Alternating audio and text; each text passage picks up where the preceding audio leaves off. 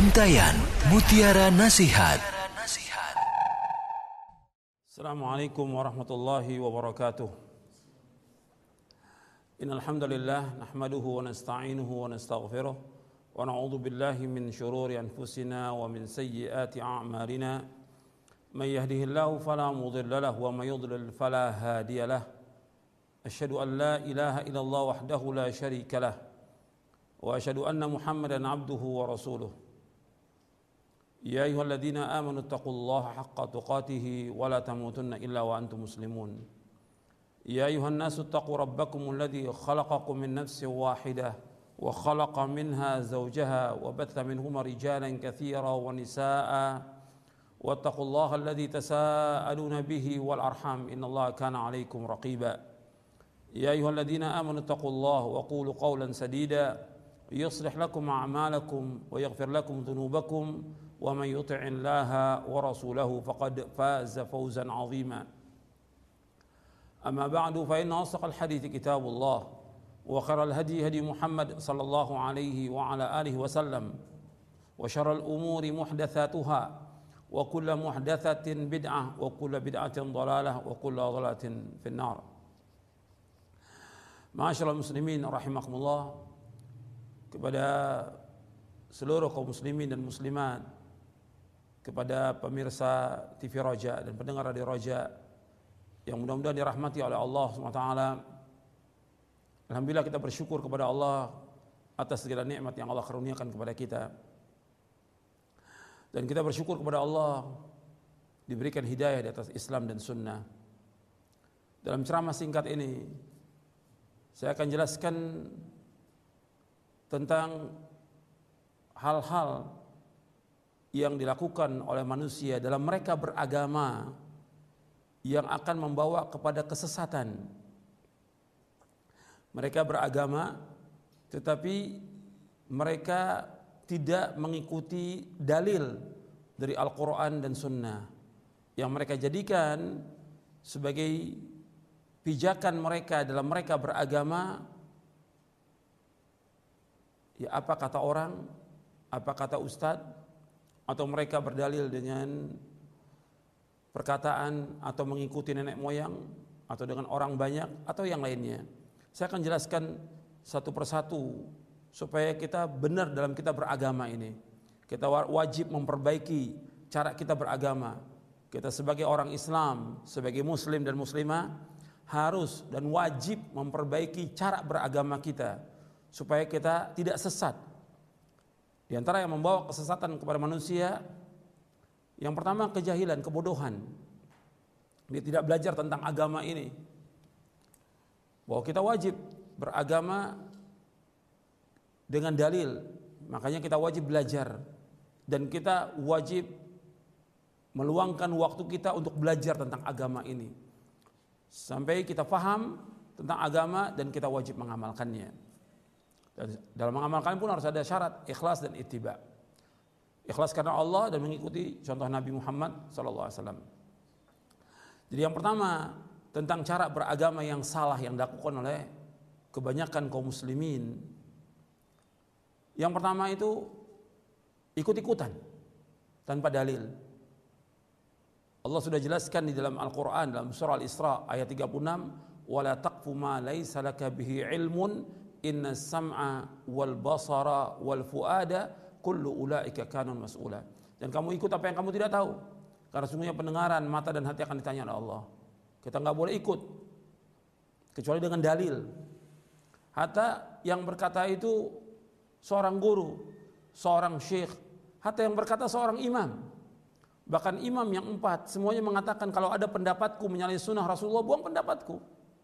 Seluruh imam, Imam Hanafi, Imam Maliki, Imam Syafi'i, Imam Hambali, rahimahumullah. Empat imam madhab ini semuanya mengatakan kalau ada hadis yang sah itulah madhabku. Kalau ada pendapatku menyalahi sunnah Rasulullah, buang pendapatku, ikuti sunnah Rasulullah. Semua mengatakan demikian. Dan itu ditulis dalam kitab-kitab tentang pendapat mereka. Bahkan ada perkataan seorang penyair mengatakan para imam pembawa petunjuk berkata jangan amalkan perkataan kami tanpa nas yang sah. Padanya ada dalil wajibnya mengambil hadis baik dahulu maupun sekarang. Imam Abu Hanifah berkata, tidak patut bagi orang Islam mengambil pendapatku sebelum mendapatkannya dengan Alkitab dan hadis yang terpilih. Imam Malik, Imam Darul Hijrah berkata sambil berisyarat ke kubur Nabi SAW, setiap perkataan ada yang diterima dan ada yang ditolak kecuali Rasulullah SAW. Imam Syafi'i rahimahullah berkata, jika engkau melihat perkataanku menyelisih hadis yang kalian riwayatkan maka buanglah perkataanku dan yang buanglah perkataanku yang menyelisih kabar atau hadis itu. Imam Ahmad rahimahullah berkata, jangan kalian tulis perkataanku, tetapi carilah sumber perkataan itu. Ini perkataan para imam rahimahumullah. Bahwa semua imam mengatakan jangan ikut pendapatku kecuali dengan dalil. Jadi semuanya imam menyuruh kita untuk mengikuti dalil Al-Quran dan Sunnah. Perkataan mereka ini imam-imam yang terkenal di dunia Islam.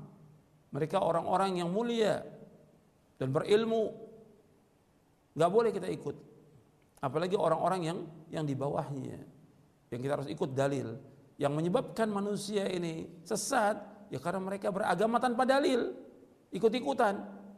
Apa kata orang ikut, apa kata orang ikut. Ya banyak yang sesat dengan sebab itu. Karena nggak punya pegangan, nggak punya hujah. Harus tanya dalilnya. Dalilnya pertama Quran. Dan harus mengikuti penafsiran, penjelasan para mufassirin, ahli tafsir yang jelas. Dari perkataan Al-Quran ditafsirkan dengan Quran, Al-Quran ditafsirkan dengan penjelasan para sahabat. Radiyallahu majma'in. Al-Quran ditafsirkan dengan penjelasan para tabi'in. Kemudian dijelaskan dengan penjelasan para tabi'ut tabi'in, baru kemudian dengan bahasa Arab. Ini penjelasan para ulama dalam kita menafsirkan Al-Quran. Kemudian Al-Quran ditafsirkan dengan sunnah Nabi. Jadi Al-Quran yang pertama tafsirkan Quran, yang kedua Quran ditafsirkan dengan sunnah Nabi SAW. Karena Nabi yang menjelaskan Al-Quran. Kemudian setelah itu Al-Quran ditafsirkan dengan penjelasan para sahabat. Jadi yang pertama Al-Quran ditafsirkan Quran, yang kedua Al-Quran ditafsirkan dengan sunnah. Yang ketiga Al-Quran ditafsirkan dengan penjelasan para sahabat. Yang keempat Al-Qur'an ditafsirkan dengan penjelasan para tabi'in. Kemudian baru setelah itu penjelasan bahasa Arab dan baru penjelasan juga para imamatul mujtahidin. Jadi ini harus kita pahami tentang cara kita berdalil. Banyak yang salah dan keliru yang kemudian sesat karena mereka tidak tahu dalil dan tidak tahu mengambil dalil. Kadang-kadang juga dibawakan hadis. Hadis jelas kita wajib terima kalau memang sahih. Tapi kalau hadis itu dhaif, hadis itu lemah, apalagi hadis itu maudhu, palsu, nggak boleh. Kita tanya, kalau disebutkan dalilnya, ini hadis Nabi mana dalilnya? Mana sanatnya? Maka para ulama menanyakan mana dalilnya. Imam Abdul Mubarak mengatakan al isnadu al isnadu min din walau al isnadu laqala man syaa ma syaa. Sanad itu dari agama. Kalau nggak ada sanad orang berkata seenaknya. Jadi harus ada dalilnya. Siapa yang jujur dan tidak, lihat di mana di kitab apa adanya. Di Sahih Bukhari tunjukkan, di Sahih Muslim, Abu Daud, Tirmidzi, Nasai, Ibnu Majah, Ahmad dan lain mana dalilnya? Sahih atau tidak? Kemudian setelah itu bagaimana penjelasan para ulama dalam syarah-syarah hadis tentang hadis itu? Supaya kita benar, beragama ini dengan benar. Kita cari guru yang betul-betul mengajarkan kita dengan dalil supaya kita nggak sesat. Yang kedua yang menyebabkan manusia sesat yaitu mereka mengikuti nenek moyang dalam beragama. Apa kata nenek moyang? Untuk melihat ayatnya dalam surah Al-Baqarah ayat 170. Untuk melihat keterangannya. Allah berfirman wa idza qila muttabi'u ma anzalallah qalu bal nattabi'u ma alfaina alaihi aba'ana aw law kana aba'hum la ya'qiluna shay'an wa la yahtadun. Allah berfirman dalam surah Al-Baqarah di ayat 170 untuk melihat dalilnya kepada seluruh pendengar Radio Roja dan pemirsa TV Roja antum lihat dalilnya supaya antum beragama dengan dalil bukan kata orang Allah berfirman dalam surah Al-Baqarah ayat 170 wa idza qila muttabi'u ma anzalallah qalu bal nattabi'u ma alfaina alaihi aba'ana awalau kana aba'uhum la ya'qiluna syai'a wa la yahtadun. Apabila, apabila dikatakan kepada mereka ikuti apa yang Allah turunkan. Mereka berkata kami mengikuti apa yang kami dapati nenek moyang kami melaksanakannya. Kata Allah apakah mereka akan ikut juga kepada mereka? Padahal bapak dan nenek moyang mereka tidak berakal, tidak paham sedikit pun juga dan mereka tidak dapat petunjuk. Ini agama nenek moyang. Jadi ketika dibawakan keterangan dalil dari Quran dan Sunnah, ya ini sudah seperti ini dari dulu nenek moyang kita mengerjakan demikian, nggak boleh. Justru ini akan membawa kepada kesesatan. Lihat lagi Allah menyebutkan di dalam surah Al-Maidah. Allah berfirman dalam surah Al-Maidah di ayat 104. Wa idza qila lahum wa idza qila ila ma anzalallahu wa ila rasul qalu hasbuna ma wajadna alai aba'ana awalau kana aba'uhum la ya'lamuna syai'an wa la yahtadun.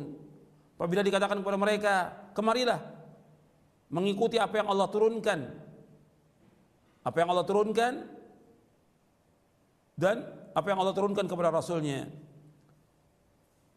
Jadi apa yang Allah turunkan dari Al-Quran dan kepada Rasulnya dari Sunnah Nabi SAW mereka mengatakan cukuplah kami mendapati bapak dan nenek moyang kami melakukan demikian Kata Allah, apakah mereka akan ikut juga bapak dan nenek moyang mereka padahal mereka tidak tahu sedikit pun juga dan mereka tidak dapat petunjuk. Mereka tidak tahu apa-apa dan tidak dapat petunjuk. Kenapa diikuti? Dan ini orang-orang musyrikin, orang-orang jahiliyah seperti itu. Mereka kalau disampaikan dakwah oleh para nabi dan rasul alaihi wassalam dan juga disampaikan oleh Sayyidul Anbiya wal Mursalin Nabi Muhammad SAW, mereka berdalil nenek moyang kami melakukan demikian dari dulu. Nenek moyang kami. Ini bukan dalil. Mesti yang diikut dalil bukan kata nenek moyang. Bukan kata ini kan dari dulu turun temurun. Ini kan sudah adat istiadat. Ini sudah kebiasaan, ini sudah budaya. Enggak bisa.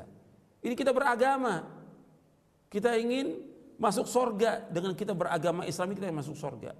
Jangan sampai kita sesat dengan mengikuti nenek moyang karena Allah sudah menyebutkan. Bahkan Allah menyebutkan lagi jangan mengikuti nenek moyang justru akan membawa manusia ke neraka. Dalam surah Luqman, Allah berfirman dalam surah Luqman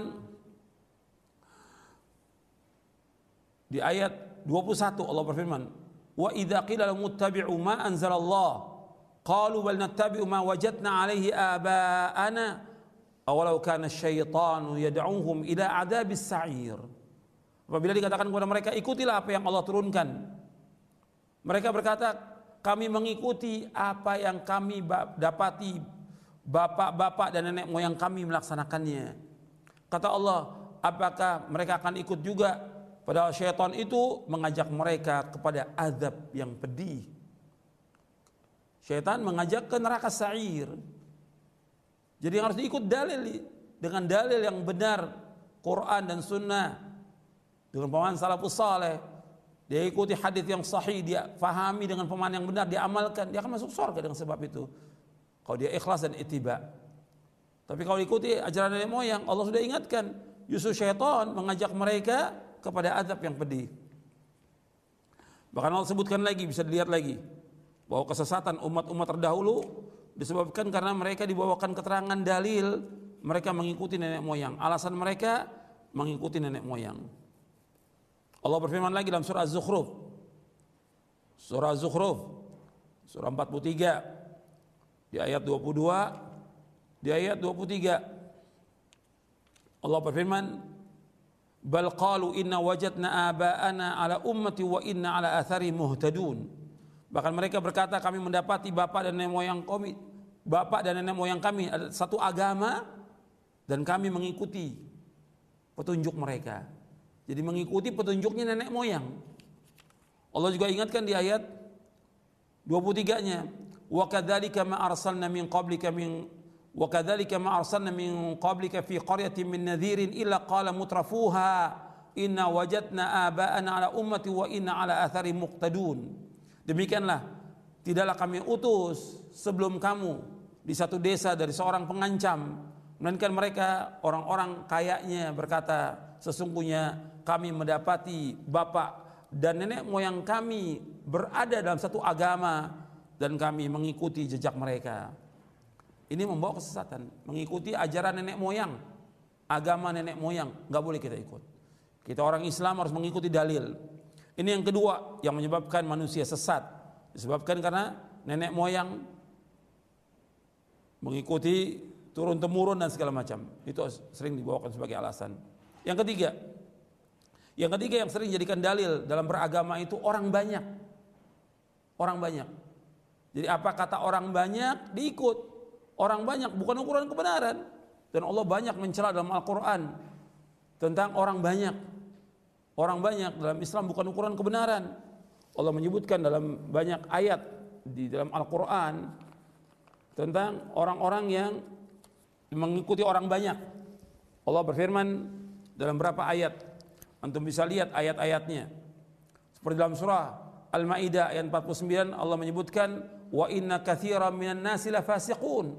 Sesungguhnya kebanyakan manusia adalah orang-orang fasik.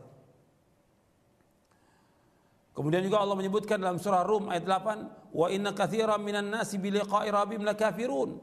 Sesungguhnya kebanyakan manusia itu kufur kepada pertemuan dengan Allah.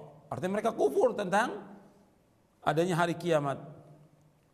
Kemudian juga Allah menyebutkan lagi wa inna katsiran la yudhilluna bi ahwa'in bighairi ilm dalam surah Al-An'am ayat 119 sesungguhnya kebanyakan mereka itu sesat dengan hawa nafsu mereka tanpa ilmu.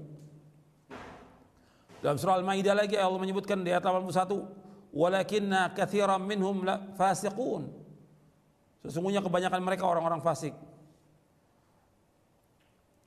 Kemudian juga Allah menyebutkan tentang masalah banyaknya manusia, bahwa manusia ini bukan ukuran kebenaran. Karena kebanyakan manusia lalai, kebanyakan manusia fasik, kebanyakan manusia kufur kepada Allah, kebanyakan manusia tidak bersyukur kepada Allah. Kebanyakan manusia itu selalu membantah. Allah menyebutkan lagi. Antum lihat di dalam surah Al-An'am ayat 116. Allah berfirman wa in tuti' aktsara man fil ardi yudilluka an sabilillah iyattabi'una ila dhanna wa inhum illa yakhrusun. Dan seandainya kamu mengikuti kebanyakan manusia di muka bumi, niscaya mereka akan menyesatkan kamu dari Allah. Sesungguhnya mereka hanyalah menyangka-nyangka dan sesungguhnya mereka itu hanya berdusta. Allah menyebutkan dalam surah Al-An'am, surah yang ke-6 ayat 116, Allah berfirman wa in tuti' aktsara man fil ardi yudilluka an sabilillah iyattabi'una illa dhanna wa innahum la yakhrusun.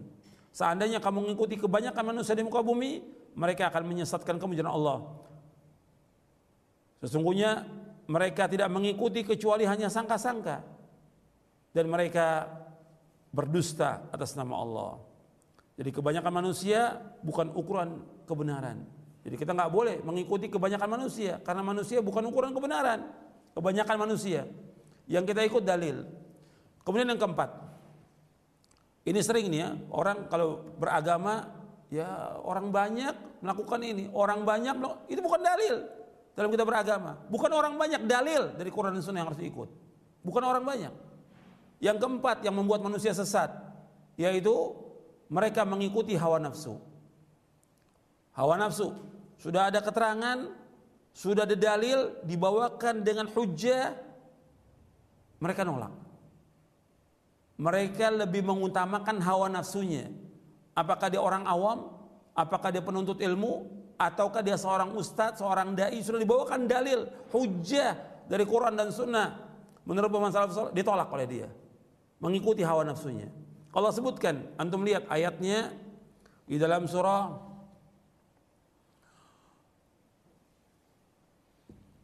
Allah berfirman dalam surah Al-Qasas di ayat 50. Allah berfirman dalam surah Al-Qasas ayat 50. Fa illam yastajibu laka annama yattabi'una ahwa'ahum wa man adallu mimman ittaba'a hawa bighairi hudan min Allah inna Allah la yahdil qaumadh dhalimin.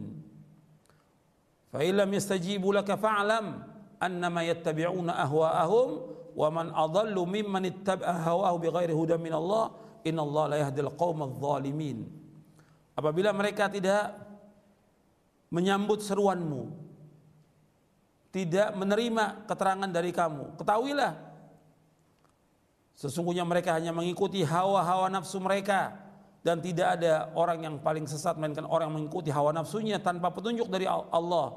Sesungguhnya Allah tidak menunjuki orang-orang yang zalim. Jadi Allah menyebutkan di dalam ayat ini orang mengikuti hawa nafsu sesat. Sudah dibawakan dalil hujjah oleh Nabi Muhammad SAW mereka nggak mau terima. Mereka mengikuti hawa nafsunya maka nggak ada orang yang paling sesat melainkan orang yang mengikuti hawa nafsunya tanpa petunjuk dari Allah SWT. Jadi ini empat yang membuat manusia sesat. Yang pertama, mereka bodoh, tidak belajar, tidak nuntut ilmu, tidak mencari dalil. Yang kedua, yaitu mereka mengikuti ajaran nenek moyang. Yang ketiga, mereka mengikuti orang banyak. Dan yang keempat, mereka mengikuti hawa nafsu. Ini jalan-jalan yang membawa manusia ini kepada kesesatan. Karena itu kepada kaum muslimin semuanya dan kaum muslimat kita wajib meluangkan waktu kita untuk belajar agama ini dengan benar dengan dalil dan kalau sudah ada dalil sudah ada keterangan hujah kita wajib terima kita wajib taslim apalagi dalil dari Quran dalil dari sunnah kita wajib taslim sami'na wa ata'na kalau sudah diajak sikap seorang mukmin dan mukminah kalau sudah diajak kepada Allah Rasulnya dia mengatakan sami'na wa ata'na kami dengar dan kami taat Mudah-mudahan apa yang saya sampaikan bermanfaat untuk saya dan untuk sekalian. Wassalamualaikum Nabi Muhammadin SAW. Subhanakallah bihamdik. Asyhadu an la ilaha illa anta astaghfiruka wa atubu ilaik. Assalamualaikum warahmatullahi wabarakatuh. Untayan Mutiara Nasihat.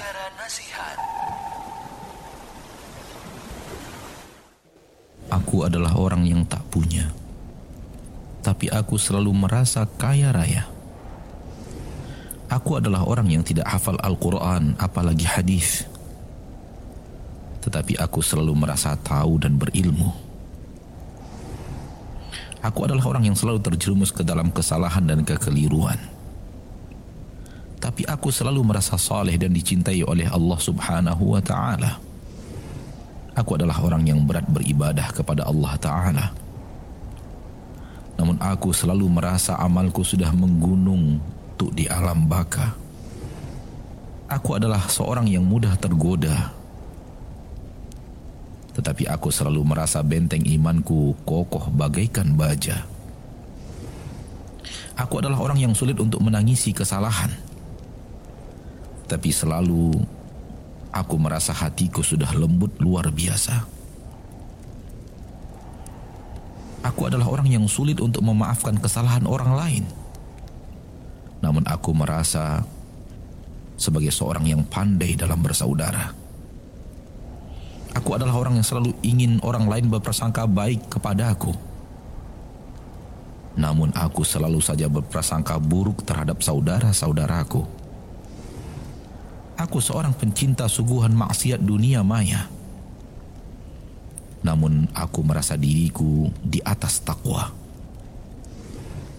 Aku seorang pemakan bangkai daging saudaraku yang sudah membusuk namun aku merasa diriku dipenuhi aroma wangi dan semerbak baunya. Aku seorang yang malas bangun di malam hari untuk memohon ampunan ilahi. Namun aku merasa lisanku sudah mahir dalam beristighfar kepada Allah ilahi Rabbi. Itulah aku. Itulah diriku. Ya Allah, ampuni aku. Selamatkan aku sayangi aku, bimbing langkah kakiku, jauhkan aku dari murkamu, selamatkan aku di saat aku berdiri nanti di hadapanmu. 93,1 FM menebar cahaya sunnah